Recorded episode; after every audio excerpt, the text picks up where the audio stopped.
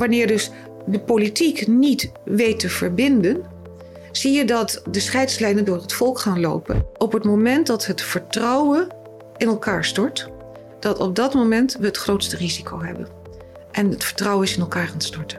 Als er een moment komt waarin uh, een aantal cycli uh, met hun top of dal uitlijnen met die ECM-cyclus, met die basiscyclus, dat zijn de momenten waarop dingen gebeuren. Wat ik geleerd heb van al die jaren dat ik met, met cycli werk en met astrologie werk, is dat je kan hoog of laag springen. Maar als de boel zo staat, gebeurt het. Maar, er is een heel groot maar.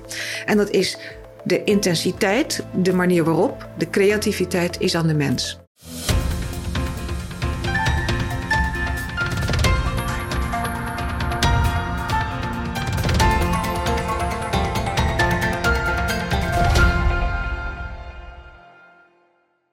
Hallo allemaal en welkom bij een nieuwe Holland Gold video met mij Paul Buitink en mijn co-host Joris Beemsterboer. We hebben het eh, voor elkaar gekregen, 10.000 eh, abonnees eh, in een jaar, super gaaf. Dus dank voor het vele kijken en het becommentareren van onze video's. En het zou leuk zijn als je nog geen abonnee bent, dat je ook nog abonnee wordt. Dan kunnen we doorstoten richting de 100.000. Beetje ambitieus zijn. Uh, nee, super gaaf en, en dank aan, aan iedereen. En um, vandaag hebben we ook weer een, een heel bijzonder gesprek met een hele bijzondere vrouw. Karen Haamaker Zondag. Karen, welkom. Welkom. Dank je.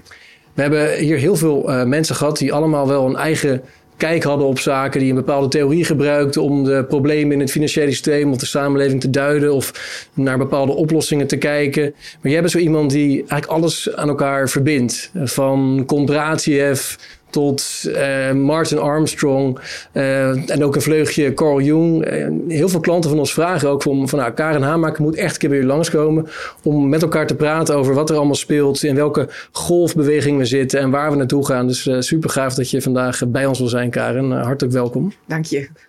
Ja, want je hebt een prachtige presentatie gemaakt. Dat ik van tevoren doorlas, werd ik onwijs enthousiast om het door te lezen.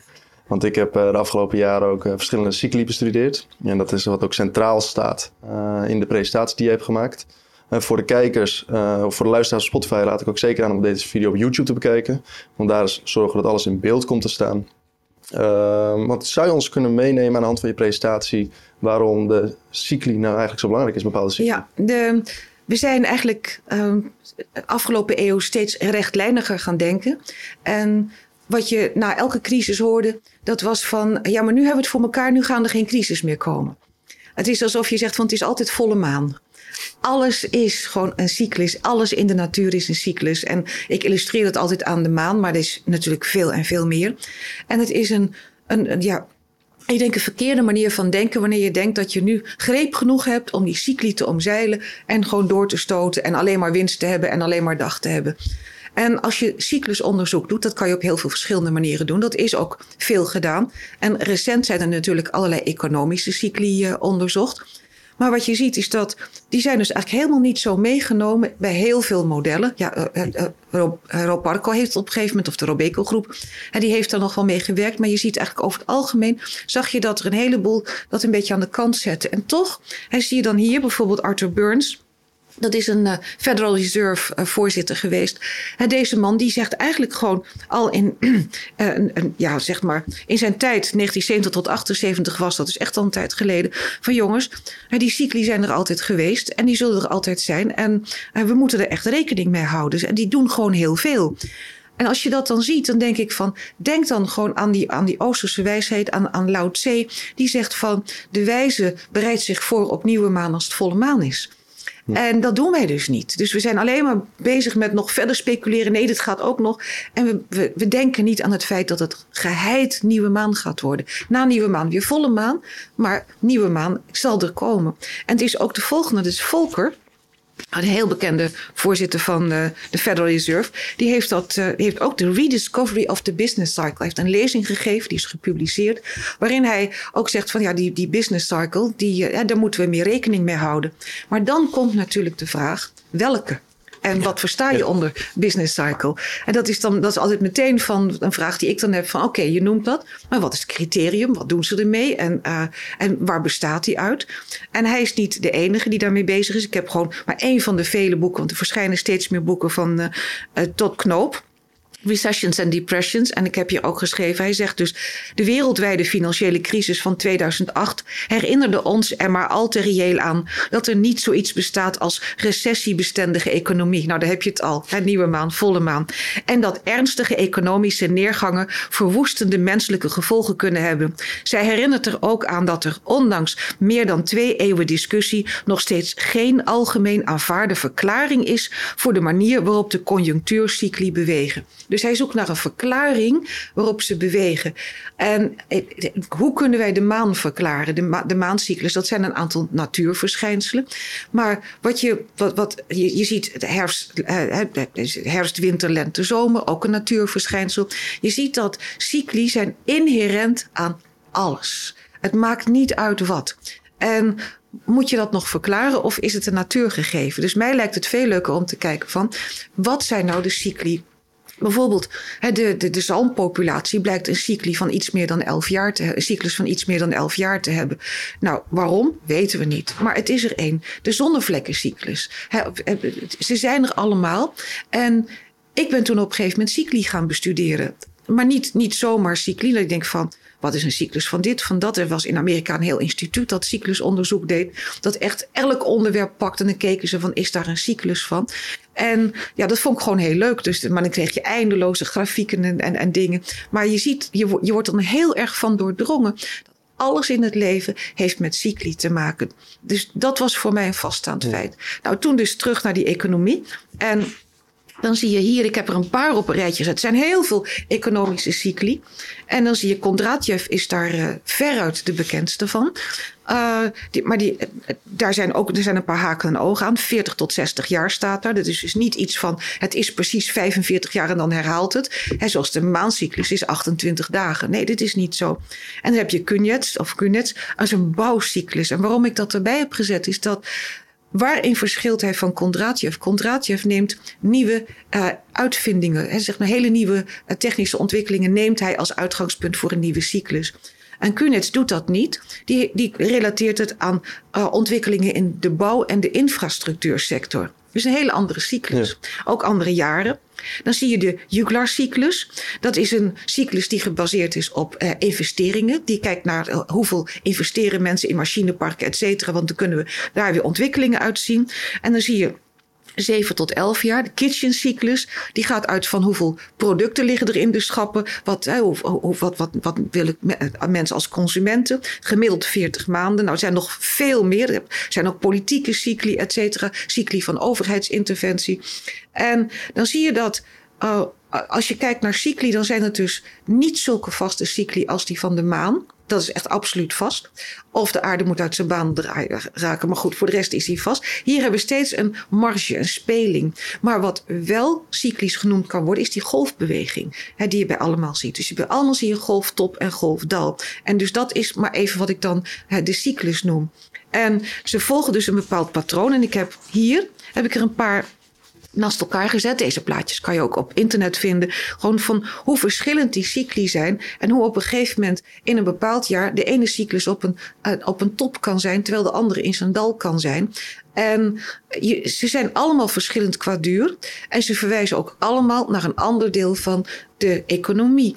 En dat betekent dat als je spreekt, spreekt over uh, de zakencyclus, de business cycle, ja, welke pakken ze dan? Of wordt, hier, wordt, wordt dit samengenomen? Nou, dat zie je dus niet. Dus je ziet mensen vanuit bepaalde cycli denken en dan de rest laten zitten. En hieronder zie je dan ook nog uh, de, de Kondratjev. En Kondratjev heeft dus het probleem dat zijn golven steeds korter worden. Uh, het is alsof je langzaam tegen de kust oploopt, om het ja. zo maar te zeggen.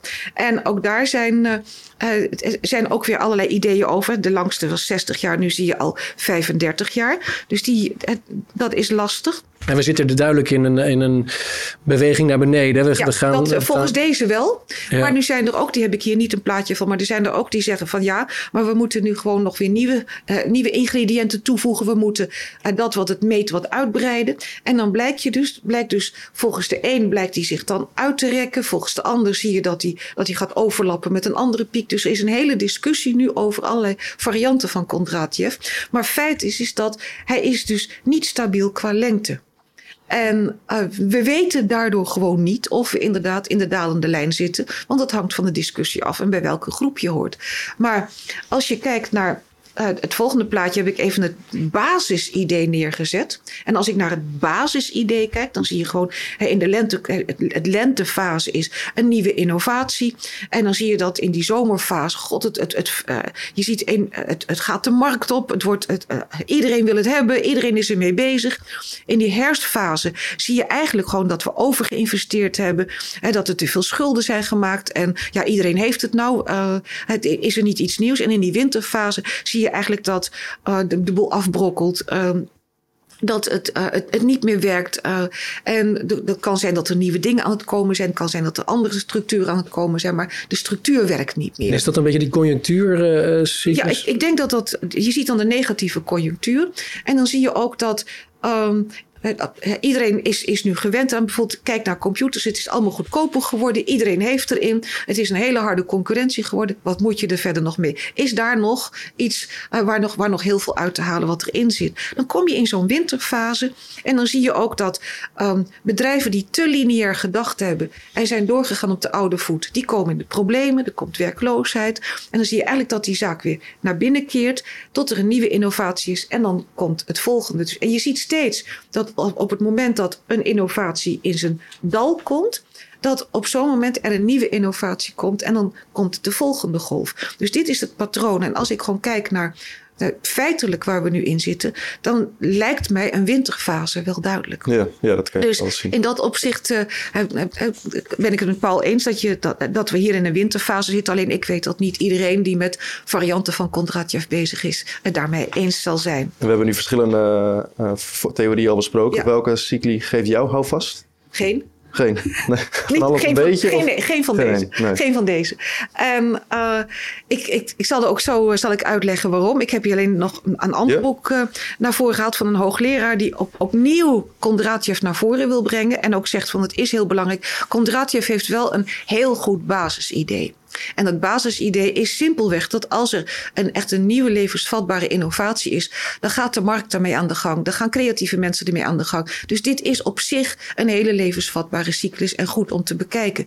Punt is alleen, hij gaat alleen over innovaties. En hij gaat niet over alle andere dingen. We hebben zoveel andere dingen. We hebben sociale bewegingen. We hebben, uh, als je kijkt nu. Uh, we hebben bepaalde innovaties, maar wat is ons politieke landschap niet veranderd? Wat, we zitten met migratiestromen. En we zitten met een heleboel nieuwe dingen die ook een rol spelen en ook van invloed zijn op die cycli. En daar ben ik mee bezig geweest. Ik, ik, ik, ga zo laten zien uh, welke cycli ik wel van belang vind. Maar ik wil deze ook weer plaatsen in een veel grotere cyclus. En um, ik, ik vind uh, Ray Dalio vind ik daarin geweldig. Ja, ja uh, dat, nou, jullie gelukkig ook. Dat, ik heb daar, hij heeft een, een, prachtig boek geschreven. Maar hij heeft een, een, beknopte samenvatting van het boek. Heeft hij ook in een YouTube filmpje verteld. En de, daarin, daaruit heb ik deze twee grafieken gehaald om te laten zien. Hij heeft het dan over hele grote cycli. En die cycli die duurt zo'n 250 jaar. En dan gaat hij dus ook uit van er ontstaat een, een, een nieuwe wereldorde. En die, die, die bouwt zich uit op, op grond van allerlei voorwaarden. Hij noemt ook criteria waarop die zich, die, die, die, zich uitbouwt. Je ziet heel veel uh, ontwikkeling van technologie dan, uh, nieuwe ideeën. Je ziet, dat, je ziet een uitbreiding, je ziet een expansie. En dan op een gegeven moment dan zie je dat andere werelddelen zeggen van, oh, maar dat kan ik goed namaken. Of daar kan ik ook wat mee. Die gaan ermee aan de slag. En dan zie je eigenlijk dat er in het, zeg maar het gebied, de zone, die op dat moment de dominante wereldorde is, dan zie je dat eigenlijk er meer gemakzucht komt. Uh, de, uh, er vindt een afvlakking plaats, de, de vernieuwingsdrift die verandert. En dat zie je dus door de hele geschiedenis heen. Ja. Dat vind ik zo leuk van hem. En dan zie je dat uh, waar zij dus eigenlijk afdalen, dus, dus in de neergang gaan, dat die, die, de spirit is eruit, om het zo maar te zeggen, zie je elders op de wereld, zie je een opkomst komen. En dat zijn golven van 250 jaar gemiddeld, heeft hij aangegeven. En wat ik zo leuk vind wat hij zegt, want daar ben ik het zo mee eens. Hij zegt van, uh, wij maken nu voor het eerst mee wat voor een drama er gewoon op financiële markten is en hoe het allemaal zit. Hij zegt, maar als je in de geschiedenis kijkt, is dat tig keer gebeurd. En als je in de geschiedenis kijkt, dan zie je van wij zien nu een achteruitgang van het, ja, het imperium van Europa en Amerika, het Westers imperium. En we kunnen moord en brand schreeuwen, maar als we in de geschiedenis kijken, dan zijn imperia zo vaak veranderd. Dus hij zegt, wij moeten niet kijken naar. Um, uh, het, stukje lens van ons eigen leven, maar we moeten kijken naar dat historisch perspectief. En dat, dat is hij dus gaan doen. En dan zie je dat volgende, daar heeft hij een, een aantal heeft hij, uh, op een rijtje gezet. Namelijk uh, de, de, de, Gouden Eeuw van Nederland, de Nederlandse zeevaart. Ne Nederland is een hele tijd lang de wereldmacht geweest, die ook de reservemunt had, de wereldreservemunt. En dat is op een gegeven moment overgenomen door het, het Britse Commonwealth, Britse Rijk. En dat is weer overgenomen door de Verenigde Staten. Dat zijn deze golfbewegingen. Maar wat hij laat zien, dat is dat op een gegeven moment in die neergang uh, er die, die andere al een opgaande lijn vertoont. En er is dus een, kruis, een kruising van die twee. En hij geeft dat een tijdperiode van 10 tot 20 jaar. En dan zie je dat dus dat oude gaat neer en dat nieuwe komt op. En wat de geschiedenis leert, en dat vertelt hij ook, uh, dat is dat de oude machten zullen nooit zomaar hun macht loslaten. Hij zegt dus die 20 jaar zijn heel risicovol voor wat, voor betreft, voor wat betreft oorlog. Ja. Dat zie je dus in de geschiedenis ook. En hij zegt, wat je dan ziet in die geschiedenis, dat is dat de opkomende macht, die dus altijd zijn mond heeft gehouden, die komt dan richting dat snijpunt, komt hij op een punt dat hij gaat uitdagen. En dat hij provocatieve opmerkingen gaat maken. Of dat hij provocatieve dingen gaat doen. En dat zie je China nu dus doen. Ja. En China is nu de opkomende macht. Die begint uit te dagen. Die begint zich sterker te voelen. En je ziet dus Amerika neergaan. En in dat kruispunt lopen we dus een enorm risico op oorlog. En dat is wat hij aangeeft. En uh, of het een lange of korte oorlog zal zijn, dat kan je niet aangeven. Maar dat is dus dat, dat is die overgangssituatie. En we zitten dus in die uh, overgangssituatie waarbij uh, de westerse hegemonie aan het afbrokkelen is. En die, die verschuift, zoals alles in de geschiedenis verschuift. En dus ook weer een hele grote cyclus is. Want je ziet opkomst en verval van, van, van een rijk. En weer opkomst en verval. En weer opkomst en verval. En op een gegeven moment komt dat na cycli gewoon weer terug bij de Verenigde Staten of bij Nederland of wat dan ook. Of, of bij, bij andere gebieden die, die zich dan gegroepeerd hebben. Maar goed, dat zal ik niet meer meemaken. dus maar het is heel mooi om die cycli te zien. Hij heeft ze prachtig gestileerd weergegeven. En wat ik nou zo, zo belangrijk vind om te constateren... is dat wij op dit moment binnen deze grote cycli zitten wij met de hele westerse samenleving, daar bedoel ik dus Europa en Amerika mee, zitten wij in die neergaande lijn. Wij zijn dus heel dominant geweest. Wij zitten in die neergaande lijn.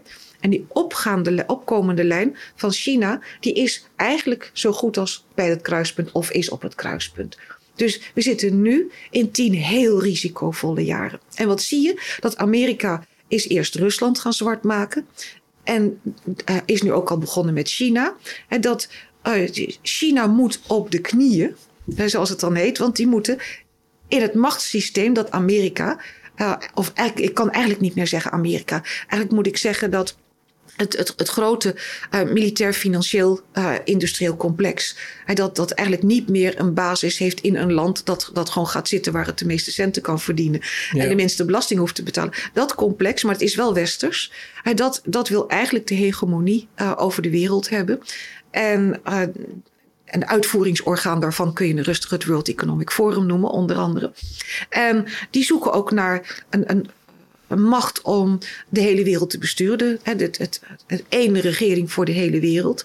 En uh, die, die zijn bezig om dat op te bouwen op een moment dat we in een neergaande cyclus zitten. Nou, ja, ja, je hebt natuurlijk ook uh, mensen die wijzen op, uh, op de problemen die China bijvoorbeeld zelf heeft. demografisch ja. gaat het daar niet al te goed. Ook de belachelijke uh, COVID-maatregelen die daar worden genomen en waar ze maar niet van wijken of lijken te wijken, zorgen ook voor een hoop druk en, en ook verdeeldheid binnen dat land. Dus in hoeverre is, is China inderdaad die nieuwe hegemon of zijn ze wellicht net als eerder Frankrijk in de, in de, in de 18e, 19e eeuw of, of misschien later Duitsland, dat ze wellicht groot zijn geworden, maar toch ook weer voortijdig gaan afbrokkelen. en nog voordat ze een nieuw, echt een nieuwe hegemon kunnen Ik denk dat China uh, in, binnen de komende tien jaar door een enorm proces heen gaat. Uh, en echt dat er uh, een heleboel dingen gebeuren die we nu nog niet kunnen voorzien. Maar het probleem wat ik zie is dat China niet opkomt op eigen kracht. maar opkomt wegens de zwakte van het Westen. Dus, dus je ziet eigenlijk een. En hij, het, daardoor krijgt China ook de kans om zich te herpakken, omdat wij gewoon te zwak aan het worden zijn. En als je ziet hoe wij nu bezig zijn in Europa om um, met, met het beleid wat er nu is, en of je nou wel of niet pro-Oekraïne bent en, en alles, we hebben onze energiehuishouding niet op orde. We zijn veel te snel naar, naar, naar alternatieve energiebronnen overgegaan zonder het goed te structureren. Elektriciteitsnetten kunnen het niet aan. En nu, nu uh, zitten we met een boycott. De industrie gaat eraan. Duitse industrie is al bezig zich te verplaatsen naar onder andere China. Dus die zijn al bezig zich te verplaatsen. Dus wij zijn bezig onszelf heel erg onderuit te halen. En wat dat betreft is dat point of no return is zo goed als bereikt. Maar toch zie je wel dat in het uh, model van Redalio dat interne conflicten vaak het begin zijn van een verslechtering van een wereldmacht. Ja. Um, en voor zover ik heb begrepen is, de, is het ontzettend onrustig in China. Ja. Dus dat is wel een van de, de pijlers waar Redalio Ja. ook op stuurt. Van als intern onrustig is, focus je minder op buiten, dus het Westen en op ons. Uh, en ik heb het gevoel dat op dit moment zoveel onrust is overal. Zowel in Nederland, zowel Ja. in China. China wat heviger. Amerika heeft zijn eigen problemen met uh, de democraten versus republikeinen. Zijn we niet nu te veel bezig met onze eigen problemen op te lossen... en dat we gewoon vanzelf wel kijken wie nu opstapt? Dat China Um, ook het Dus niet redt? we zitten wereldwijd in, Ja. een, in een enorme, laat ik maar zeggen, revolutionaire cyclus. En dat is weer een andere cyclus. Ja, En die geldt voor de hele wereld. En die geldt dus voor China net zozeer als voor het Westen. Dus daar hebben we allemaal last van, om het, om het zo maar te zeggen. Maar het heeft ook te maken met het feit dat er ook een mentaliteitsverandering aan het komen is. Die ook overal voelbaar zal zijn. Maar ehm, dus er is één ding wat we niet moeten vergeten. En dat is dat de Chinese mentaliteit een volstrekt andere is dan die van ons. En wij zijn als machine aan het meten met onze maatstaven.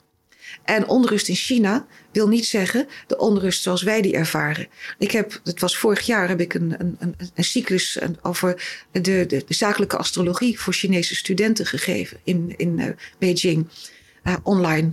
En, uh, dan zie je, en het waren kritische denkers. Echt zeer kritische denkers.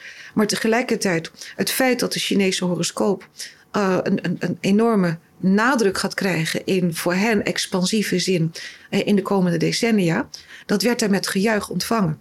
Terwijl ze toch uh, heel erg tegen lockdown en al die dingen waren. Dus er zit, een, er zit echt een andere mentaliteit. Als wij nu in Nederland zeggen: Nederland gaat straks nog winnen, dan geldt het alleen nog maar voor voetbal en de rest interesseert ons niet meer. Maar je ziet daar een andere mentaliteit. Dus we moeten uitkijken om niet onze maatstaf uh, daar neer te leggen. Dus die onrust die daar is, op het moment dat, dat, dat China voelt zich een Chinees. En dat is überhaupt, merk ik dat met, met Oosterlingen. Ik heb uh, ook op een gegeven moment een gesprek erover gehad met iemand in Japan. Ik was in Japan en er was een Japanner die veel in Amerika was. Dus ik vroeg hem hoe hij dat cultuurverschil ervoer. En hij zegt van nou, in Amerika ben ik vrij. En in Japan ben ik Japanner, maar ik ben een Japanner. En dat is iets uh, wat, waarvan hij ook aangaf dat dat is veel meer de Oosterse mentaliteit. En wij zijn veel individualistischer ja. dan zij. De kracht van het collectief is daar Precies, veel dat, groter. Dat is daar anders. Dus um, daarom zie je ook dat, dat, dat in China het, het vermogen om zich te herpakken, uh, om zich nog een eenheid te voelen, groter is dan op dit moment bij ons. Maar natuurlijk moeten we afwachten hoe het in de toekomst gaat, gaat, gaat lopen. Maar er zijn wel tekenen waarvan ik denk van. Uh, en het redalio gegeven van die cyclus. Plus het feit dat überhaupt in de wereld een grote chaos gaat worden. Want als je het mij vraagt, maar dat roep ik al, al misschien al wel 15 jaar, gaat Amerika uit elkaar vallen. Uh, de EU zie ik ook niet, roep ik ook al heel lang. Dat, dat, dat, dat, het is gebaseerd op principes die uh, de EU, uh, die eigenlijk meer mentaal waren dan op realiteitsgronden gebaseerd, evenals de, de euro. En de Verenigde Staten, daar zie je dat er een heel groot gevaar is. Misschien moet ik even een zijstap maken. Wat heel gevaarlijk is, wat de politiek nu doet, is polariseren. Dus polarisatie scheppen. Want kijk ik bijvoorbeeld naar Noord-Ierland. Hij kijkt naar de Oranje Marsen naar. Nou, hoeveel eeuwen geleden was daar niet een strijd tussen katholieken en protestanten? En dat is ontzettend opgefokt en dat is in stand gehouden. En het gevolg is, is dat er nu politiek geen beslissing genomen kan worden. Dat het gewoon alles in de weg zit. En wat je ziet is dat als politiek op een gegeven moment verdeeldheid blijft uh, zaaien om zelf in het zadel te blijven, zie je dat het uiteindelijk splijtend gaat werken. En dat is wat ik nu zie in Amerika, dat de oude scheidslijnen, hè, door die, door, door, hoe, hoe democraten en republikeinen, die kunnen niet eens meer met elkaar samenwerken. Nee, nee zo heftig. Je was mensen die zeggen van, nou, weet je, waren we maar meer in Europa zoals Amerika met één, één volk, één taal. Iedereen voelt zich de Amerikaan. Maar als je ziet wat er de laatste jaren gebeurd is, en dat, in families complete breuken. Iemand die, zich, die in Florida woont, die dan verhuist, verhuist uh, naar New York en heel snel weer terugkomt, omdat hij, omdat hij zich gewoon in een ander land ja, waant. Precies, naar. precies. En dat is wanneer, wanneer dus de politiek niet weet te verbinden, zie je dat de scheidslijnen door het volk gaan lopen. En dat gaat op een gegeven moment gaat dat instinctieve patronen geven. En dan zie je dat er kan burgeroorlog komen, er komen, kunnen opstanden komen. Dus en dat, dat zag je gewoon aankomen. Want als je kijkt naar de politiek, dan zag je dat in feite. Zag je dat in de periode van, van Clinton, eind vorige eeuw, zag je dat al aankomen. En toen had ik al zoiets van: als dat maar goed gaat. En ik, ze gaan dit gewoon niet meer redden. Echt, echt nee. niet. En hoe kijk je nou naar India? Want uh, ik ken best wel wat mensen die eigenlijk India verwachten als, als misschien, misschien niet, niet heel snel zoals China, maar iets, iets daarna, omdat zij uh, natuurlijk een hele grote bevolking hebben. Demografisch ziet het er wat beter uit nog. Er zijn, zitten hele slimme ingenieurs. Vaak de, meeste Silicon Valley oprichters uh, hebben vaak ook een, een Indiaanse achtergrond. Ja, dus zie, hoe zie jij hun potentieel? Um, ik denk dat, dat China net een stap verder is dan India. En daardoor gewoon het eerder kan grijpen. Maar ik denk dat India uh, wel een hele goede uh, potentie heeft om langs zij te komen. Uh, dan wel straks dat weer te gaan overnemen. En misschien dat die cyclinen ook worden gecomprimeerd zoals bij Contrati heeft. Dat die Dalio-golven ook heviger worden, kort. Maar er is natuurlijk nog een ander ding. Want deze golven, die, die, waar uh, Ray Dalio over spreekt, die werken binnen uh, een bepaald paradigma, om het zo maar te zeggen. Een, een, een bepaalde manier van kijken. De westerse manier van kijken, die is, heeft zich geleidelijk aan vanaf 1500 voor Christus tot nu ontwikkeld. En is wat we noemen een heel yang manier van kijken, een heel mannelijke manier van kijken. En wat je nu merkt, is dat er geleidelijk aan een, een, verschuiving gaat plaatsvinden. En dat zijn hele geleidelijke processen die duren eeuwen. Maar dat is wel gaande. En op het moment dat er een, een heel andere mentaliteit gaat komen. Een heel andere manier van kijken naar mens en wereld. Uh, en dan echt heel anders dan wat we nu doen. Dan zal dat absoluut van invloed zijn op maatschappelijke processen. Op, uh, op hoe we omgaan met uitvindingen. Hoe we omgaan met thema's als macht. En daarmee dus ook op deze cycli. En daardoor kunnen we niet verder kijken op dit moment, omdat we echt in een, in een enorm veranderingsproces zitten. We zitten er middenin en niemand ziet het. Dat is zo, zo bijzonder. Jij ziet het ook ja, en daarom ben jij bij ons. Ja, dat is, het, is echt, het, is, het, is, het is heel machtig wat er, wat er plaatsvindt. Alleen het, het is een eeuwenlang proces. Dus, um, en dat betekent dat wij gewoon, we zien fragmenten ervan. Maar als ik, als ik kijk, uh, toen ik naar de universiteit ging, het idee van vrouwelijk leiderschap helemaal, dat, dat bestond helemaal niet. En dan zie je dat op een gegeven moment, dan, dan, dan ontstaat dat idee van vrouwelijk leiderschap. En dan, dat is niet zomaar uit de lucht komen vallen. Dat is onderdeel van de patroon. Waar, wanneer kan iets aanslaan? Alleen maar wanneer voldoende mensen denken van, oh ja, natuurlijk. En, dus, ja. Uh, en iets kan ook aanslaan doordat het non-stop uh, ja, wanneer er non-stop mee gebombardeerd wordt. En dat, dat zijn ook gewoon bepaalde propaganda. propaganda ja. En dus daar, dan, dan kan iets gaan groeien. Uh, maar iets kan ook aanslaan collectief wanneer we er rijp voor zijn. En dan zie je dat sommige mensen komen dan met een idee en dan begint het te resoneren en dan zie je dat het gedragen gaat worden. En wat ik zie, dat is, dat, dat is zo'n mooi proces. Dat is dat je eigenlijk aan het einde van de 19e eeuw. En toen hadden we de suffragettes. Toen, toen begon die, die, de vrouwen begonnen te strijden voor vrouwenkiesrecht. Maar wat je ook zag, dat was dat er literatuur begon te komen. Die, die op een gegeven moment vrouwen in een ander licht begonnen te zetten. En, uh, en een van de voorbeelden die ik altijd weer aanhaal, omdat ik het ook heel mooi vind, is dat op het moment dat een cultuur heel erg eenzijdig wordt als het gaat om denken, en wat ik dan noem het yang-denken, uh, en je kunt het mannelijk denken noemen, maar dan denken mensen veel te veel dat het alleen maar mannen zijn. Terwijl als je als vrouw opgroeit in zo'n cultuur, dan leer jij ook yang denken. En, en dus dat is, het geldt voor ons allemaal. Dat, dat, dat yang denken heeft zich dus heel erg ja, overal vertakt. Wij kunnen eigenlijk we zijn vooral, hebben we geleerd om te denken in winnen-winnen in plaats van in samen. Nou, dat, dat is geleidelijk aan, aan het veranderen gegaan. En dan zie je dat er uh, dat de literatuur ook verandert. Als ik namelijk mijn studenten vraag van welke liefdesgeschiedenissen in de westerse literatuur ken je? Uh, dan hoor je natuurlijk Romeo, Romeo en Julia. Ja. En uh, je hebt Eros en Psyche en, en noem maar op. Zijn er, uh, Eloise en Abelard. En, nou, zo is er een hele reeks die je ziet. En wat is het kenmerk daarvan? Gaat allemaal mis. Gaat allemaal mis. Ze trouwen niet met elkaar. Ze gaan de dood in. Uh, noem maar op. Dus wat je ziet is dat door het eenzijdige yang-denken zie je een reflectie in de literatuur, in de die we allemaal kennen, de collectieve literatuur. Dat is een reflectie in de zin van de verbinding is er niet. En, en wat nou zo mooi is, dan komt op een gegeven moment zo'n Dan Brown. En die komt er met een boek dat ik doodsaai vond. Uh, maar goed, die theorie waar hij mee kwam, die kende ik al 30 jaar.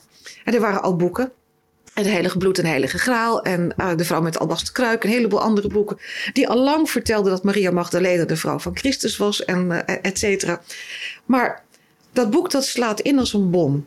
En toen ik dat las, denk ik weer, ik vind het saai, maar ik begrijp nu waarom het inslaat. Ja. Het is het eerste boek waarin een, een, een spiritueel leider op aarde inderdaad een relatie met een vrouw heeft en daar gelukkig mee is. Dus al die mooie verhalen die we in onze geschiedenis hebben, dat is allemaal mislukt. En hier zien we een gelukte relatie waarbij de man spiritueel is en de vrouw uh, gelijkwaardig naast zich stelt. Dat is het beeld waarnaar onze ziel hongerde. En hij zet het neer. En dus dat werkelijk, waar ik ook was, ik zag het boek liggen. Het was echt op, op uh, of je nou ergens op vakantie was, het lag op een tafeltje ja. waar de mensen het aan het lezen. En toen ik dat zag, dacht ik van yes, het, de volgende stap is genomen. Dus het ligt helemaal niet aan Dan Brown, maar het, waar het iets gaat resoneren als, als het collectief daar rijp voor is. En dat, dat zie ik ook op, op andere plekken zie je gewoon ook die, die, diezelfde soort van resonanties hier komen. Nou, je ziet ook gewoon terugkomen in, ja. in, in gezinnen. Heb ik mezelf vader en ik zoek echt uh, naar, naar tijd met hem, een dag, twee dagen. Precies. Dat ik ook al ben ik directeur van dit bedrijf, dat ik toch probeer te combineren om ook zoveel mogelijk die zorgtaken te, te delen met mevrouw. Niet omdat het, omdat het een moedje is, maar juist omdat je heel erg die verbinding, verbinding zoekt met je, met je ja, kind. Ja, en dat is wat nu heeft ingezet. En het is het begin. Weet je, ik zie die signalen. En je, ziet ook in, in de wetenschap zie je signalen. Dat, uh, wat ik ook altijd naar voren haal, dat vind ik ook geweldig. Dat is dat op een gegeven moment de chaostheorie zijn intrede deed. Nou, een paar mannen die daarmee bezig waren aan het, ik weet, ben vergeten welke universiteit. Nou, die doet zijn intrede. En die krijgen van hun hoogleraar te horen van... dan moet je mee stoppen met die idiotie... want anders dan uh, krijg je geen promotiekans, et cetera. Maar ze waren zo gefascineerd dat ze zijn ermee bezig gegaan. En wat leert die chaostheorie? Die leert dat op een gegeven moment het scheppende... dat is niet mannelijk, dat is vrouwelijk. Dat, dat, is mooi. En dat, mannen gaan door met wat vrouwen geïnitieerd hebben. Maar vrouwen initiëren dat niet bewust. Het vrouwelijke, weet je, in, in de, in de, toen het mannelijk denken dominant werd, werd de dag mannelijk gezien en de nacht werd vrouwelijk gezien. En dat uh, het directe was mannelijk, het indirecte was vrouwelijk. Orde was mannelijk, chaos was vrouwelijk. Dus chaos, dat, dat was slecht, hè, want er moet orde zijn. En wat je nu ziet, is dat op een gegeven moment, als iets uit de hand begint te lopen. Kijk naar onze cultuur op dit moment, onze maatschappij op dit moment. Er begint van alles uit de hand te lopen. Er is niet echt meer orde. Er is heel veel toestanden. En wat je dan ziet is dat de chaostheorie zegt van, dan ontstaan er zogenaamde attractoren. Een kiempje hier, een kiempje daar, een klein dingetje hier. Niemand ziet het. Maar dit kiempje, dat trekt een ander kiempje aan en dat wordt iets groter en dat wordt nog iets groter. En dan blijkt dat het kleine kiempje blijkt op een gegeven moment het begin te zijn van een totaal nieuw paradigma en een hele nieuwe ontwikkeling en een nieuwe orde. En op het moment dat dat kiempje ietsje groter wordt, zie je Yang het oppakken en daar verder mee gaan. Maar het is binnen de chaos dat het ontstaat. Het, het, het is een natuurlijk proces. En wat er dus nu gebeurt, en dat is ook zo hoopgevend voor mensen die nog blijven nadenken, die nog, die nog zich uitspreekt. Daarom roep ik tegen iedereen: spreek je ja. uit, ga staan. Censureer jezelf niet nee, onnodig. Precies. Nee. Uh, maakt niet uit uh, hoe ze je op Twitter bestormen. Ik heb dus ook geen Twitter, hoef ik die bagger ook niet over me heen te laten Goeie gaan. strategie. Dus, uh, dus maar, maar ga staan. Want dan word je zo'n attractor. Ja. En dan komen er meer attractoren bij. En dan langzamerhand... Zie jij jezelf als zo'n attractor? Ik hoop dat ik de rang bij kan dragen. Maar er zijn een heleboel mensen die op dat vlak bezig zijn. En door, door je uit te spreken, door te staan, kan je een ander beeld laten zien. En dan zie je dat die chaostheorie die zegt dan van... het is helemaal een puinhoop.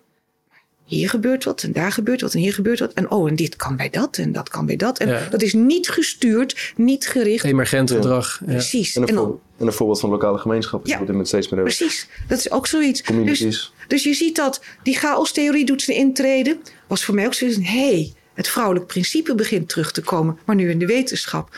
Dus dan zie je, eh, dan zie je eh, de natuurkunde. Het touwen van de fysica. Natuurkunde is dan zo ver gekomen dat een deeltje geen deeltje meer is en een golf geen golf meer. En wat is nou nog vaste stof? En dan krijg je bijvoorbeeld Fritjof Capra of uh, Gary Tsukov. En Fritjof Capra de touwen van de fysica. Gary Tsukov de dansende woeliemeesters. Boeken waarbij natuurkundigen van naam spiritueel worden en zich gaan verbinden met Oosterse religies en laten zien dat natuurkunde en Oosterse, Oosterse religies samenhangen. Dat, dat- dus die beweging is er al. En die Maar als, dit, als dit inderdaad, eh, en ik, ik ben het eh, helemaal met je eens hoor, maar de, de golfbewegingen die we nu besproken hebben zijn behoorlijk deterministisch. Ja. Maar tegelijkertijd wat jij hier eh, schetst is dat we het, uiteindelijk hebben we ons lot in eigen handen en kunnen we door een betere balans, door meer die yin-yang balans te vinden en, Ja. en door het gewoon te laten gebeuren, wellicht misschien wel naar een nieuwe multipolaire wereld gaan Precies. waarbij niet één eh, hegemonie het voor het zeggen heeft, maar, maar we maar in vrede en balans met elkaar omgaan. En dat met, is zomaar mogelijk. Is dat mogelijk? Kunnen we dat nog? Kunnen we die golven stoppen dan? Volgens Nee, Dalio ik- wel. het- het- ja, Dalio die geeft er ook wel wat ideeën over. Maar eh, dit is eigenlijk naar aanleiding van het verhaal van... kan India niet, niet, niet China innemen of kan die Ja. daarna Ja. komen? Ik weet het niet, want dit is natuurlijk allemaal nog binnen... eh, het, het, het denken zoals we dat gewend zijn. Maar we, we gaan een nieuwe kant op. En misschien duurt het nog een eeuw, maar we gaan wel die nieuwe kant op. En dat is dus een heel andere verbindende manier van denken. Waardoor misschien deze cycli helemaal niet meer nodig zijn en, en ze vervangen worden door andere cycli. En uh, dus ik weet niet hoe lang dit nog gaat duren. Uh, maar ik weet wel dat we op dit moment nog volop in dit patroon zitten. Dat dat met een heleboel stuiptrekkingen bezig is. Ja. Maar wat ik dan zo fascinerend vind om terug te komen op de vraag van, uh, uh, van welk model gebruik je dan wel? Ik ben heel erg bezig geweest met het Economic Confidence model van Martin Armstrong. Uh, want wat zegt Armstrong? Die is gefascineerd door cycli. En die heeft op een gegeven moment gemerkt dat er een, een cyclus is, een soort basiscyclus van 8,6 jaar. Dat noemt hij zijn pi-cyclus. En uh, dat noemt hij, uh, dat is zijn business cycle, om het zo maar te zeggen, de ECM, Economic Confidence Model. En hij ziet dan dat het een, een een cyclus is van 8,6 jaar, die ook onderverdeeld kan worden in 8,6 maanden, 8,6 weken, 8,6 dagen. En dat is ook weer de, de, de zeg maar fractal uh, kunde, om het zo maar te zeggen. Maar dat Ja. is een heel verhaal op zich. En hij, uh, hij ziet dan hij heeft dat model, dat is dus een heel rechtlijnig model met, met, met die, met die 8,6 jaar steeds. En, maar hij zegt ook, alles heeft zijn eigen cyclus, hè, waar we het al over gehad hebben. Alles heeft zijn eigen cyclus. En wat hij dan zegt is, wat belangrijk is, dat heb ik hier ook aangegeven. Dat is een cruciale verschil met andere cycli is, dat is dat hij heeft zijn eigen cyclus, maar goud heeft een cyclus, zonnevlekken hebben een cyclus, uh, de zalm heeft een cyclus, en alles heeft een cyclus. En hij laat zijn computers dus alle cycli tegelijkertijd uitdraaien. En dan zegt hij: als er een moment komt waarin uh, een aantal cycli uh, met hun top of dal uitlijnen met die ECM-cyclus, met die basiscyclus, dat zijn de momenten waarop dingen gebeuren. Ja. Dus hij, heeft, hij bekijkt iets meer dan 50.000 cycli, bekijkt hij dagelijks. En dat doet zo'n computer. En dan weet hij op een gegeven moment van, goh, nou komen die en die en die cycli allemaal met het ECM-model samen. En dan kan er dus dit gaan gebeuren. Volgens zijn model was de aankomende tien jaar ook vrij spannend. Toch? Ja, Als ik ja dat, precies. Uh, ja. Want dat eigenlijk komt uh, een Redalio's model komt die bij elkaar. Ja, Zegt dat wat gaat gebeuren. Ja. De voorturning ben ik zelf ook ontzettend fan van. Ja. Dus basis van generaties. Uh, dat, ja. Geeft ook aan dat de aankomende tien jaar vrij heftig zullen zijn. Heftig zullen zijn. op wat voor manier, dat weten we natuurlijk niet. En dan geeft hij het ook aan. Um, dus er staat wel echt genoeg te gebeuren. Zijn er ook nog andere modellen die ja. aangeven um, dat... Nou hier, ik wil nog één ding over het Economic Confidence model zeggen. Dan zal ik je ja. andere laten zien. Um, uh, waarom heeft hij het confidence genoemd? Omdat hij erachter gekomen is op basis van zijn cyclusstudies... dat op het moment dat het vertrouwen in elkaar stort... dat op dat moment we het grootste risico hebben. En het vertrouwen is in elkaar gaan storten. Nou, we weten dat vertrouwen in de overheid op een, op een uh, historisch laagtepunt staat, consumentenvertrouwen. Ja. En hij zegt, en als het vertrouwen in elkaar stort En dan komen er kritische cycli samen. Dan is het een gevaar. En dat is dus wat hij nu zegt. Maar dat. Um, even kijken hoor. Dit, wil, dit, dit is een uh, plaatje uit 1979.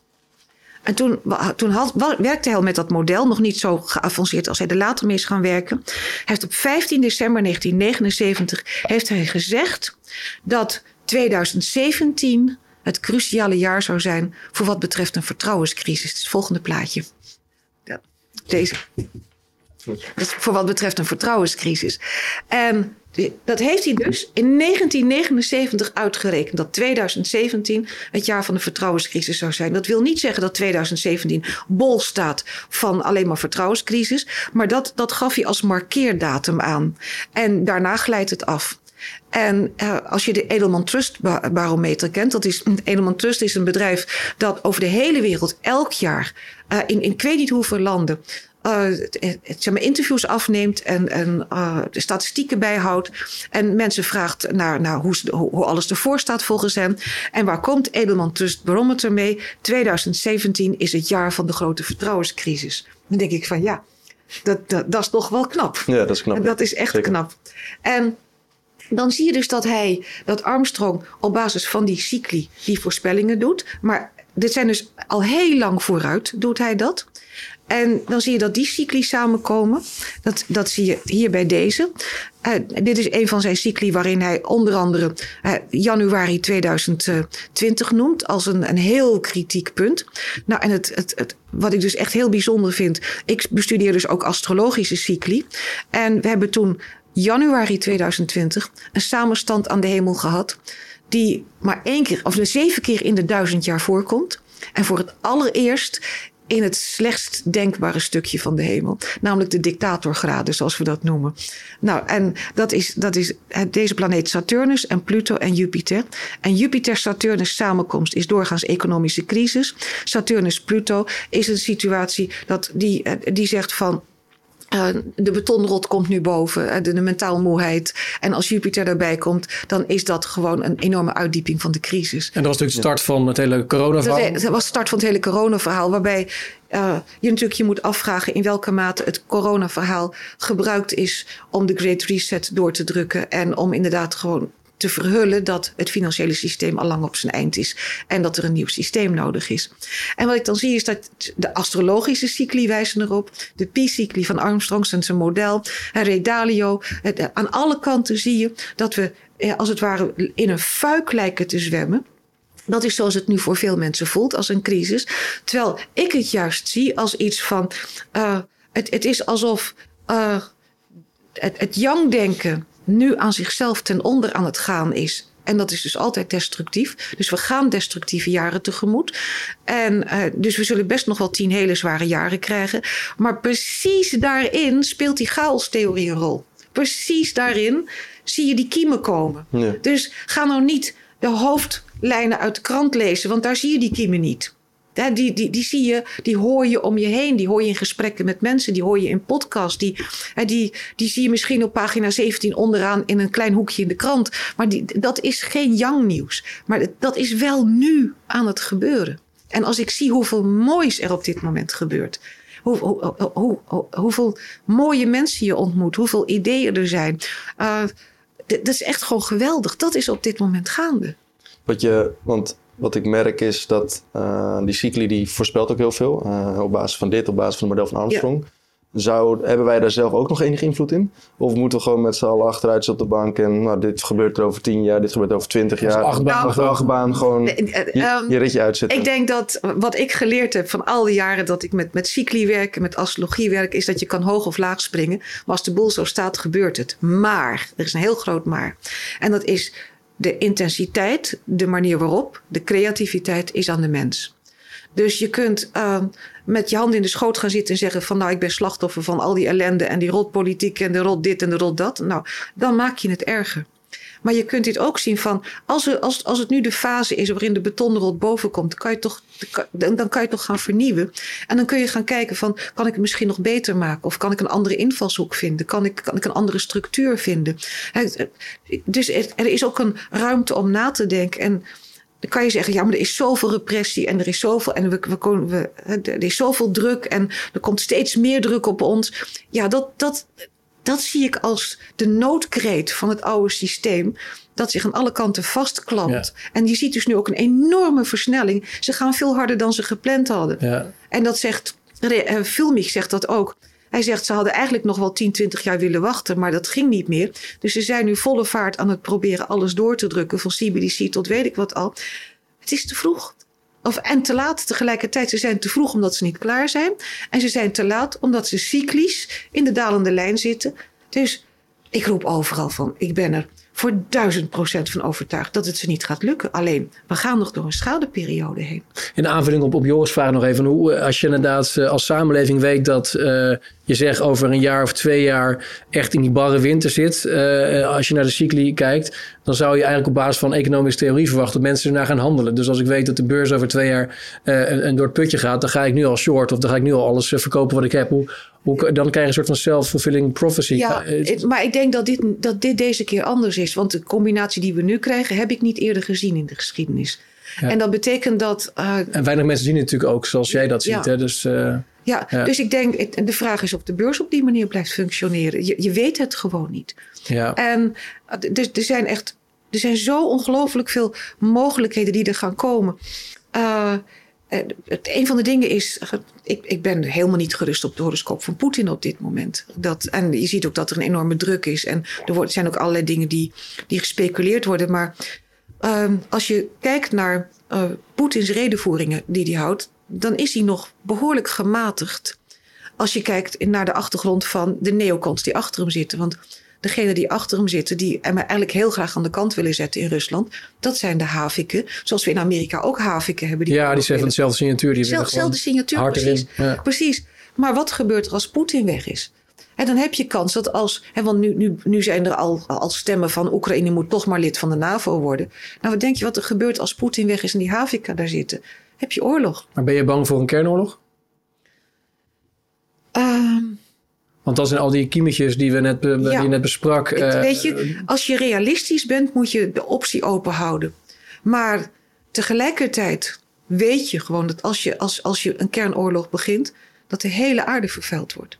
En dat betekent ook dat, hè, dan zie je wel dat, dat hè, wat dan heet de elite keurige bunkers heeft gebouwd hè, onder de grond. Maar die houden het daar geen drie jaar vol. Nee. Dus, dus het realisme zegt ook van, de kans dat het niet gebeurt is er ook. Ik laat dat volledig open. Maar we spelen wel met vuur. En, maar dit zijn, dit zijn allemaal eindtijdstuiptrekkingen. En er is dus gewoon een kans dat, dat over een paar jaar bijvoorbeeld... Uh, dat plotseling, als, die, als, als zeg maar, de, hardliners in Rusland het voor het zeggen hebben, dat plotseling Rusland uit het niks doorstoot. En ze denkt van nou, als jullie een oorlog kunnen beginnen, kunnen wij ook wel eens eventjes uh, wat doorstoten. Het is ook mogelijk dat Amerika gaat doorstoten. We weten niet, het is mogelijk dat China denkt van de hele boel is nou zo zwak, we gaan Taiwan uh, pakken. Maar er zijn veel eenvoudiger dingen. Oh, ik bedoel, kijk naar wat er met Nord Stream gebeurde. een een paar internetkabeltjes op zee doorknippen. En we liggen helemaal plat. Ja, maar dat zijn behoorlijke heftige bedreigingen die ja. uh, ons als Europa, omdat we gewoon in de mangel zitten, uh, kunnen, kunnen overkomen. Tegelijkertijd uh, was je heel erg hoopgevend over ja. dingen die je ziet. Ja. En, en wij, wij zien ze ook. En nou, je hebt zelf ook met, met Bob de Wit gesproken. Ik, ik heb Bob ook aan tafel gehad bij hem in de werkkamer uh, in Nijrode. Maar die is met allerlei interessante dingen bezig. Hoe ja. je regionaal um, samen kunt werken en, en meer verantwoordelijkheid Precies. als burger kunt pakken. Maar is het dan, ja, als je dan soms een paar van die macro-mondiale um, bedreigingen bespreekt, dan heeft het heel veel zin. Heeft het dan, hè? Omdat je, dat je meer zelf... dan je denkt, veel meer dan je denkt. Weet je, je zit in een, in een, heel, in een heel groot gegeven. En Um, dat op een knop drukken of een besluit van een generaal in Amerika kan jij niet tegenhouden. Maar je kunt er wel voor zorgen dat je hier een structuur hebt neergezet die ontzettend uh, ja, veel uh, zeg maar innerlijke weerstand kan bieden tegen allerlei invloeden. Een dragende structuur, een, een structuur van samen, een regionale structuur. En dat, dat is wat je kunt gaan doen. En dan kun je gewoon ook heel veel samen gaan oplossen. En dat is een structuur die linea recta ingaat tegen wat het World Economic Forum voor heeft. En dat, dus, terwijl, misschien moet ik daar wel een ander ding voor zeggen. Dat is hier moet ik even naar één ding gaan, dat is hier. Dat World Economic Forum, dat baseert eigenlijk een heleboel van zijn ideeën op uh, de technocratie. Uh, en ik heb een, dat is ook het plaatje van de voorkant van de studiegids Technocratie. studiecursus, dus uit 1934. En als je dat leest, dat is echt griezelig, gooi er een flink stuk technologie van, van vandaag de dag overheen. En je ziet precies waar het World Economic Forum en de Verenigde Naties mee bezig zijn. Eén op één. En wat is het einddoel dan? Wat, wat, wat uh, het, het WEF of VN betreft? Totaal, de wereldregering? Totale controle? Totale controle. En die totale controle, wat je hier ziet, is dat technocratie wilde iedereen een energiecertificaat geven. Geen geld. Je kreeg een energiecertificaat en alles wat je kocht, daar werd je, je energieverbruik van afgetrokken. En op een gegeven moment was het dus op. Nou, wat zie ik nu? Ja, bankrekening met een CO2-certificaat. En waarbij ze op een gegeven moment zover zijn hè, dat ze kunnen zeggen van je hebt nu je hele CO2-budget opgemaakt. Precies dit, deze gedachte. Dit internationaal universeel ID waarmee je overal kunt identificeren. Waar zijn we nou onderweg? Precies hetzelfde. En even een tegenwerping. Stel dat je in een, in, een, in een staat woont waar je momenteel onder druk wordt, eh, Noord-Korea. Misschien dat je als je daar woont al hunkert naar een universele ID waarmee je wel kunt reizen, waarmee je het land kunt verlaten. Dus voor sommige mensen zou het misschien een ja, uitkomst zijn. Jij denkt dat je met een universeel ID kunt reizen. Ja, dat is dan, dat is dan een positieve aanname. Ja, ja, nee dus. Nee dus. Want uh, wat je ziet is dat die ID is gekoppeld aan je CBDC. En die CBDC is programmeerbaar. Bij die CBDC zijn ze in staat om te zeggen van... als jij 20 kilometer van je woning af bent... schakelen we je CBDC uit en kan je niks meer kopen. Ja, ik heb vorige week een, een debat op. Oh, nou, geen debat was meer een gesprek met Arno Wellens. Die ook heel uh, kritisch is ten aanzien van welke kant op gaat. En, en Bert Slachter, die nog een, probeerde een, een soort van uh, een ideale situatie te schetsen. waarin het misschien wel een goed idee zou zijn om een CBDC uh, in te voeren. Maar je merkt in Nederland, en misschien is dat een van de kiemetjes die je net beschreef. dat er wel heel veel weerstand en ook kennis inmiddels is over die digitale euro veel meer dan andere lidstaten van, uh, van de eurozone. Dus daar waar we bij de invoering van de euro lagen te slapen, lijkt het erop dat bij de invoering van de digitale euro als land in ieder geval uh, behoorlijk wakker zijn. Ben je het met me eens? Ja. Ja, alleen is de vraag of, uh, of de politiek niet toch gewoon als bij alles doorgaat. Bedoel, wat Arno ook zegt, er zijn meer dan 19.000 uh, negatieve reacties bij de EU binnengekomen over de CBDC. Geen één positief, allemaal negatief. Ja, er waren een paar of zo, 0,0x procent, helemaal niks. Maar, dat ja. Echt. Dat, ja. dus, maar wat, wat, wat die technocratie betreft, uh, je, je leest daarin exact wat het World Economic Forum wil. En een van de dingen die zij willen, Uh, trouwens, hier, dat vond ik ook zo mooi. Dat vond ik op internet. Moest ik even laten zien. Hier heeft de oprichter van, uh, een van de twee oprichters van uh, de technocratie. Die heeft hier een taart gekregen. Met daarop gewoon de afbeelding van het energiecertificaat. Dus het, maar het, en het energiecertificaat is maar tijdelijk geldig. Dus je kunt niet bezit opbouwen. Want heb je niet opgemaakt, jammer dan. Dan krijg je weer voor je nieuwe periode een energiecertificaat. Dus het, het is de CBDC in, in, in een niet-technocratisch jasje. He, dus, ja. Maar zijn er niet zoveel stappen voorafgaand voordat dit wordt, echt daadwerkelijk wordt doorgevoerd? Ja. Uh, dat, je, dat, dat, dat, er nog genoeg oplossingsmogelijkheden zijn? Dat is dus een, een, een punt. Uh, ze zullen het heel graag willen doorvoeren. Omdat dat, je, dat gekoppeld aan je, uh, aan je ID. en dat, denk erom, dat digitale identiteitsbewijs, dat is gebaseerd op gezichtsherkenning. En dat betekent dat hij gezichtsherkenning kan maken. Dat, uh, en daar heeft een, een um, Jabby heet hij. Dat is een Amerikaan die in Silicon Valley heeft, die heeft gewerkt aan uh, apps voor, voor camera's, et cetera. En die, die heeft zich hier helemaal in verdiept. En die zegt, wij zijn op een gegeven moment in staat om boven elke kast in de supermarkt een, een, camera te hangen die jouw gezicht herkent. Jouw gezicht is aan je ID gekoppeld. Dat ID is gekoppeld aan je CBDC. En dan kan dus die kast voor jou niet open gaan als jouw CBDC zegt: je hebt je suikertax van deze maand al gehad. Dat heeft hij gezegd. Dus het gaat, het, het gaat bij de CBDC niet alleen om de CBDC. Het gaat om gezichtsherkenning, digitale ID. En als dat er is, dan zijn we niet langer slaaf van een schuldenmaatschappij, maar zijn we gewoon slaaf van gezichtsherkenning van een digitale ID-maatschappij. Dat, dat is dus het risico. Dat is waarnaar ze onderweg zijn. Dat is wat ze willen. En dit is geen complotdenken, want je kunt het gewoon lezen in hun eigen stuk, in hun eigen, op hun eigen website. Staat er gewoon allemaal. En dan even de, de, psychologen bij dan, Karin. Hoe kijk je er als psycholoog naar? Want ik heb daar ook vaak gesprekken over mensen die zeggen... en die erkennen wat jij zegt, dat er, dat er een, een, een elite is... of een, een groep mensen, een technocratische groep mensen... die graag ehm, de samenleving en de mensen willen controleren, willen besturen.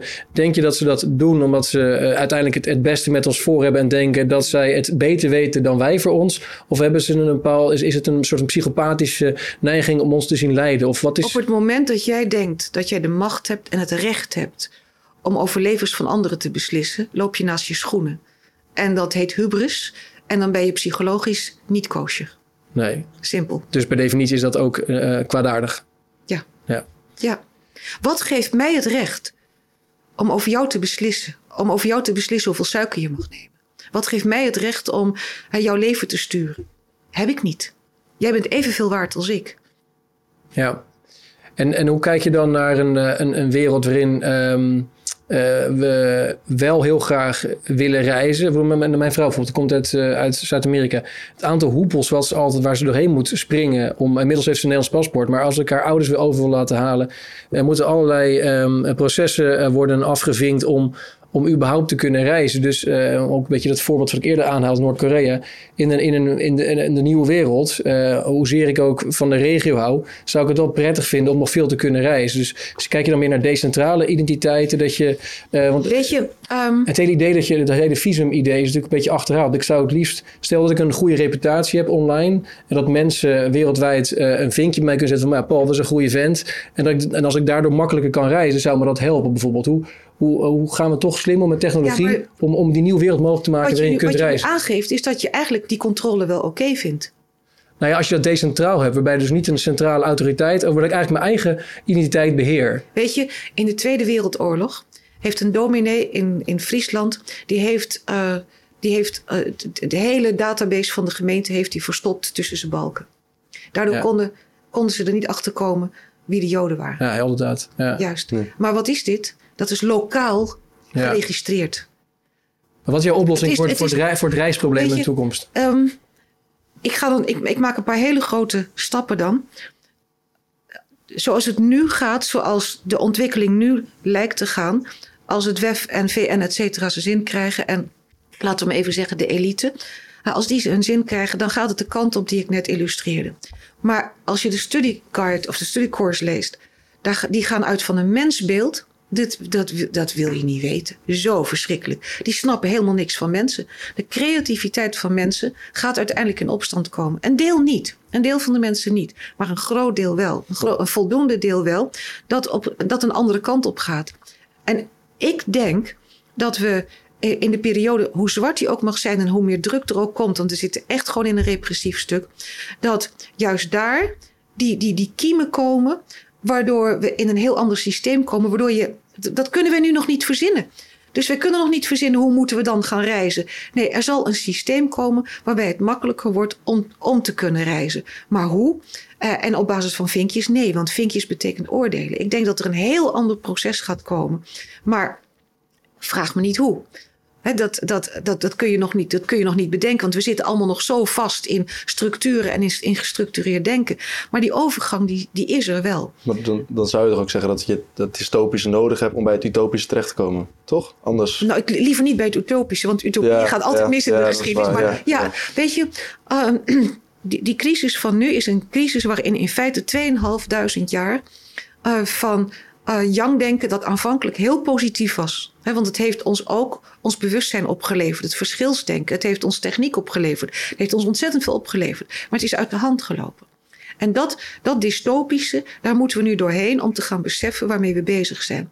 Dat we geen zes minuten zonder telefoon kunnen, het betekent dat we gewoon afgestompt zijn. We Ja. moeten onszelf weer zien te hervinden. We moeten op het persoonlijke vlak dat ook doen. Maar juist wanneer er niets meer is, wanneer je gewoon afhankelijk bent van anderen. En, en, de moed hebt om weer te verbinden, dan ga je zien dat er creativiteit gaat komen. Want culturen bloeien, maar op één voorwaarde. En dat, dat, dat zegt Martin Armstrong ergens. En dat vond ik zo goed. Hij zegt: op het moment dat ik kan verdienen aan mijn handelingen. En jij er ook aan kan verdienen. En jij ook. En jij door mij te helpen kan verdienen. En ik door jou te helpen kan verdienen. Hebben we alleen maar profijt van. Dus het elkaar helpen en er ook wat aan over mogen houden. Dat is eigenlijk waar een cultuur op, op, op, op draait. Want dat, dat maakt ook dat mensen creatief willen zijn. Dat zagen we ook bij de Sovgo's en de Kolgo's in, in de Sovjet-Unie. dat, dat toen eenmaal de, de, de, de landbouwers die daar werkten een eigen stukje land mochten hebben. En gingen de opbrengsten, die schoten omhoog, want dat mochten ze zelf verkopen. Dat, dat is de mens. En dat betekent ook dat als je je creativiteit kwijt kunt en je kunt er ook wat aan overhouden, dan schep je meer creativiteit en meer cultuur. Maar dan moet je ook elkaar vertrouwen, dan moet je dingen samen gaan doen. En we zijn veel te individualistisch geworden en dat samen doen, dat zie ik terugkomen. En als ik dan naar Bob de Wit ga, ik vind het fantastisch wat hij doet. En hij zegt ook van, um, uh, ik, ik ga niet proberen om, om de, de, mensen van de andere stroom te, te, proberen te overtuigen. Laten ze maar komen zien wat ik aan het doen ben. Nou, dat is precies die, die, die attractor zijn. Dat is precies die attractor zijn. En daar gewoon bouwen en die zaadjes planten. En daarmee bezig zijn. zit alleen één probleem. Het World Economic Forum en de technocratie. Die willen eigenlijk het liefst ook regionalisering. Het klinkt heel gek. Globalisering en regionalisering de globalisering voor één wereldregering, maar de regionalisering om jou binnen 20 kilometer te houden of binnen een kwartier loopafstand of wat dan ook. Daar willen ze ook je alle voorzieningen geven, want kleine regionale eh, eenheden zijn makkelijker te controleren. Dus waar we voor moeten uitkijken, is dat niet op een gegeven moment, want het is ongelooflijk zo, zo, zo, zo goed tussen aanhalingstekens als um, de, de, de krachten die met het WEF meedoen en met, met, met, met soortgelijke organisaties geïnfiltreerd zijn ook in tegenbewegingen. En die subsidiëren, et cetera. Om, om maar te zien wat gebeurt daar en om het te kunnen oppakken. Daar moeten we voor uitkijken. Ja, want er wordt ook dat, eh, over Bob de Wit gezet toevallig. Eh, een, een, eh, een klant van ons attendeerde ons erop dat Bob Cardano noemt. En Cardano is ook weer aangesloten bij de WEF. Dus zo is het bijna onmogelijk nog om, om iemand te vertrouwen. Als er altijd alweer een, iets te bedenken is waardoor iemand niet te vertrouwen is. Hoe, hoe, ga je, hoe ga je om met de toenemende wantrouwen. Je hebt er zelf ook last van dat iemand ja, bij jou in je huiskamer iets uh, ziet staan. wat dan weer een symbool zou kunnen zijn. Ja. Voor, en dus, maar mensen zijn ook op zoek naar iets. Hè? Ja, mensen, ik laat het gewoon van mijn rug afglijden. Ik heb te maken met een mens die tegenover me zit. En ik ga met die mens om. Wat mensen er ook van zeggen, dat maakt me niet uit. En, uh, maar voor één ding waak ik, en dat is voor grote sponsoren. Ja. Want dan kan ik niet omgekocht worden ik verdien het gewoon met mijn eigen dingen. Wij betalen Karen ook niet voor deze video. Goed zo. maar dus, dus, dat betekent ook dat ze daar geen ingang hebben. Ja, en ik ben, ik, ik, ben onafhankelijk in mijn denken. Ik ben aan geen enkel instituut verbonden. Dus ik kan zeggen wat ik wil. Hebben ze ook geen ingang. En ik ben stronteigenwijs. Dus hebben ze ook geen ingang. En daarom dus, houden we ook zo van je. dus, maar als Bob de Wit met die Cardano iets kan dat in zijn voordeel is. Waarom dan niet? Ja, dus net zoals net zodat eh, de, de elite dan uh, gebruik maakt van onze tools, zou je ook op die manier gebruik kunnen maken van ja. Tuurlijk, waarom niet? Waarom meteen dat wantrouwen? Maar wel op je hoede zijn, denken van ja, maar wacht even, als je hier een te grote vinger in de pap wil hebben, daar ben ik het niet mee eens. En dat, dat kun je gewoon allemaal keurig afkaarten. Maar uh, het, het, is hetzelfde eigenlijk met, met een demonstratie. Hè, waar de politie nu hard op inhakt. We hebben daar gewoon heel wat nare voorbeelden van gezien. Is die politie daar zelf gelukkig mee? Nee, want die zijn zelf ook vader en grootvader, et cetera, en, en, en, en moeder. Die staan tegenover jou als, als, als vader of moeder. En die zijn er ook niet gelukkig mee. Die zitten in een, op een gegeven moment in een systeem. En ik denk dat als je eenmaal uh, in het utopische systeem zit, het, het machtssysteem, en daar posities in hebt, ja, ook de wetenschap, heel veel wetenschappers zitten daarin, dat als je daarin zit, dat het heel moeilijk is om eruit te komen. Want het is ook, je wordt meegezogen in een bepaalde manier van kijken, een bepaalde manier van denken. Dat is ook de opzet van het World Economic Forum. De Young Global Leaders. En ze hebben ook, ik weet niet hoeveel andere afdelingen waar we heel weinig van horen. Ze, ze, ze delen je in een bepaalde manier van denken die op een gegeven moment zo vertrouwd wordt dat je in een tunnelvisie komt. Je komt in groepsdenken, zoals het heet. En dat is nu massaal gaande. En juist door altijd maar weer vragen te stellen, altijd maar weer vragen: is dat zo? Hoe zit het dan? En waarom dan? En wat zijn dan de criteria? Eindeloos blijven vragen. En vooral ook te lezen wat je niet mag lezen. blijf je helder en, en, en, en, kun je gewoon gaan kijken van, maar hoe zit dat groepsdenken van in elkaar? En waar gaan ze de fout in? En het vervelende is dat de mensen die in dat groepsdenken zitten, er, er zitten er een heleboel in met ontzettend goede bedoelingen, die echt naar eer en geweten proberen het beste te doen, die helemaal niet het, het narigheid voor ogen hebben en die echt denken van als ik dit ga doen, dan kan ik inderdaad helpen en die dat grote plaatje niet zien. En dat, dat is dus het probleem. En, uh, maar tegelijkertijd moet je dus gewoon heel kritisch blijven met. Uh, en dat vond ik eigenlijk heel goed. Dat jaren en jaren geleden heeft koningin Beatrix, toen nog koningin, in een kersttoespraak gezegd: van moeten wij alles doen wat we kunnen doen? En dat is precies wat we ons nu afvragen. Moeten we inderdaad gewoon uh, chips in onze hersenen laten inbrengen om ons nog uh, om ons nog beter te maken. Denk ik van, is de natuur niet goed genoeg? Ja, maar iemand die dement is, die zou ja. misschien wel heel erg uitkijken naar uh, Neuralink van Elon Musk. Omdat hij dan de dementie kan vertragen of kan omkeren. Dus op zich zijn de mensen natuurlijk altijd op zoek naar... Ja, we zijn natuurlijk tanden gaan poetsen om tandverval te voorkomen. Dus we zijn eigenlijk altijd al bezig om ons leven op te rekken ja. of beter te maken. Dus die, maar waar is de grens? Ja, dat, dat, dat is daar, zul je, daar zul je gewoon over moeten nadenken. En um, ik weet gewoon niet wat het leven voor bedoeling heeft... door bepaalde mensen iets te laten doormaken. Ik weet het niet. Nee. En ik mag erover ook niet oordelen. En dus, maar moet ik dan opleggen dat anderen gewoon verbeterd moeten worden? Moet ik dan opleggen dat anderen hun DNA aangepast moet worden? Dat nee, zeker niet. Dat nee. zeker niet. Nee, dus er zijn gradaties. En ik denk dat dat, een, een, naarmate de techniek voortschrijdt, dat dat hele moeilijke vraagstukken zijn.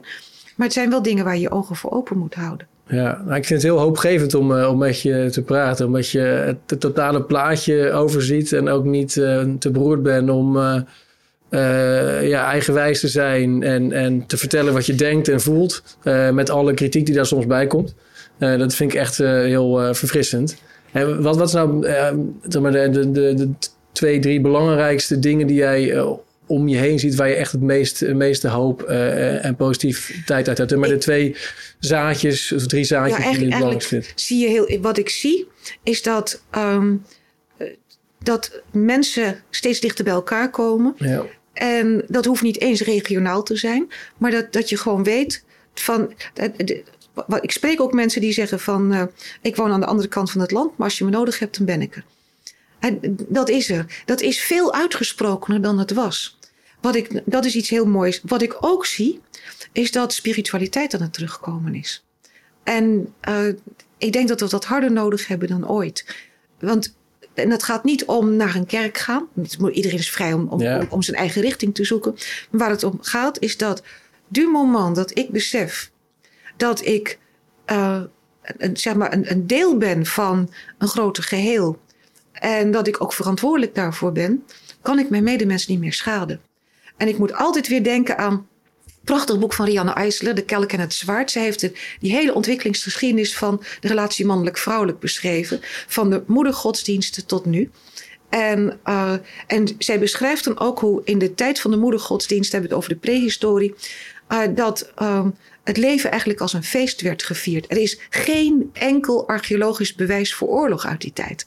Het en de mens ervoer zichzelf als geboren wordend uit de moedergodin, is de natuur. Ja. En bij de dood ga je weer naar die baarmoeder terug. En dat leven is cyclisch. Dus niet ik kom terug, nee, het leven komt terug. Het grootste cadeau wat je aan de moedergodin kon geven omdat ze jou gebaard had, was het leven te vieren. En het mooiste is ook dat omdat je geboren bent, ben je dus gewenst.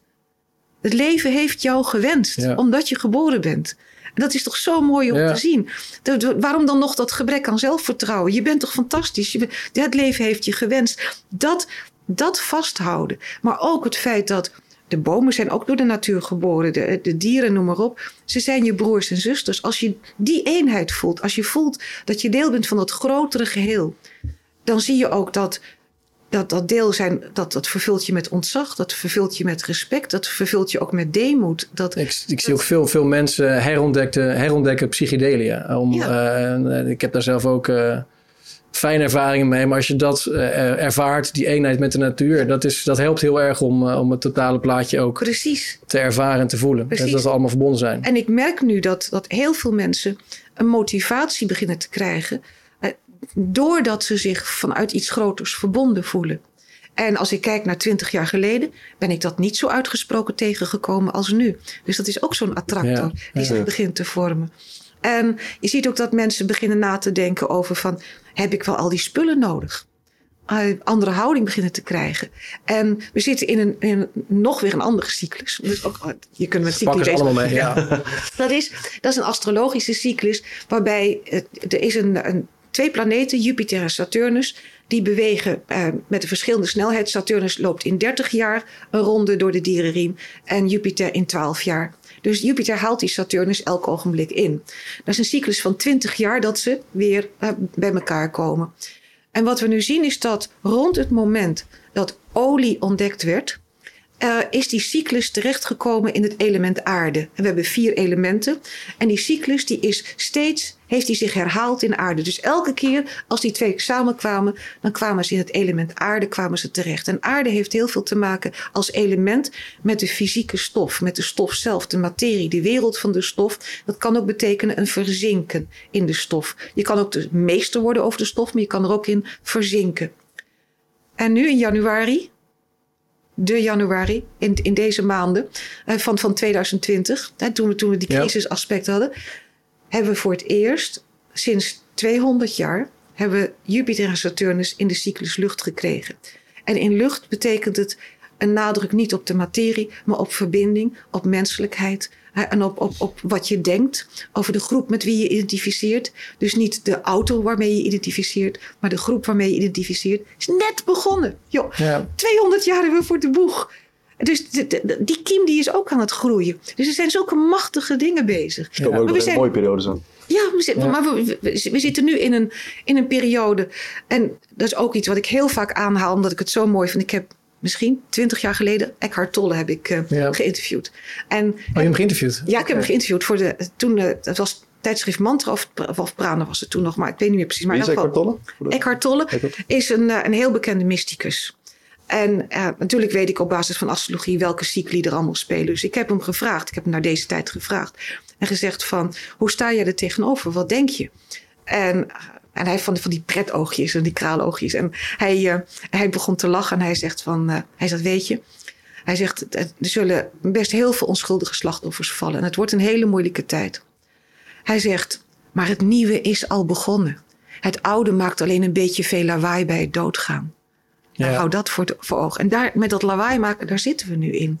En het is echt niet zo dat het over tien jaar allemaal koek en ei is. Maar ik denk dat we inderdaad wel die heel kritische tien jaar periode tegemoet gaan, maar waarin ook heel veel moois zichtbaar gaat worden. En daarna moeten we verder gaan bouwen. Maar we kunnen nu al gaan bouwen. Ja, ja. Maar dat vind ik hele opbeurende mooie woorden om uh, af te sluiten, Karen. Ik weet niet of jij nog... Uh, nee, ik heb niks meer. Ik vond het een heel mooi, compleet gesprek. Had jij nog andere dingen die je wil je kwijt. We hebben al je slides behandeld en meer dan dat. Uh, misschien iets meer over waar mensen je het beste kunnen bereiken, uh, kunnen volgen. Je bent heel actief ook met allerlei interviews. Dus dat is ja, ik word op het ogenblik heel veel gevraagd. Ja. Dus uh, ik probeer er maar aan te voldoen. En, en weet je, ik, ik denk dat je realist moet zijn om te zien dat het best moeilijk is waar we in zitten.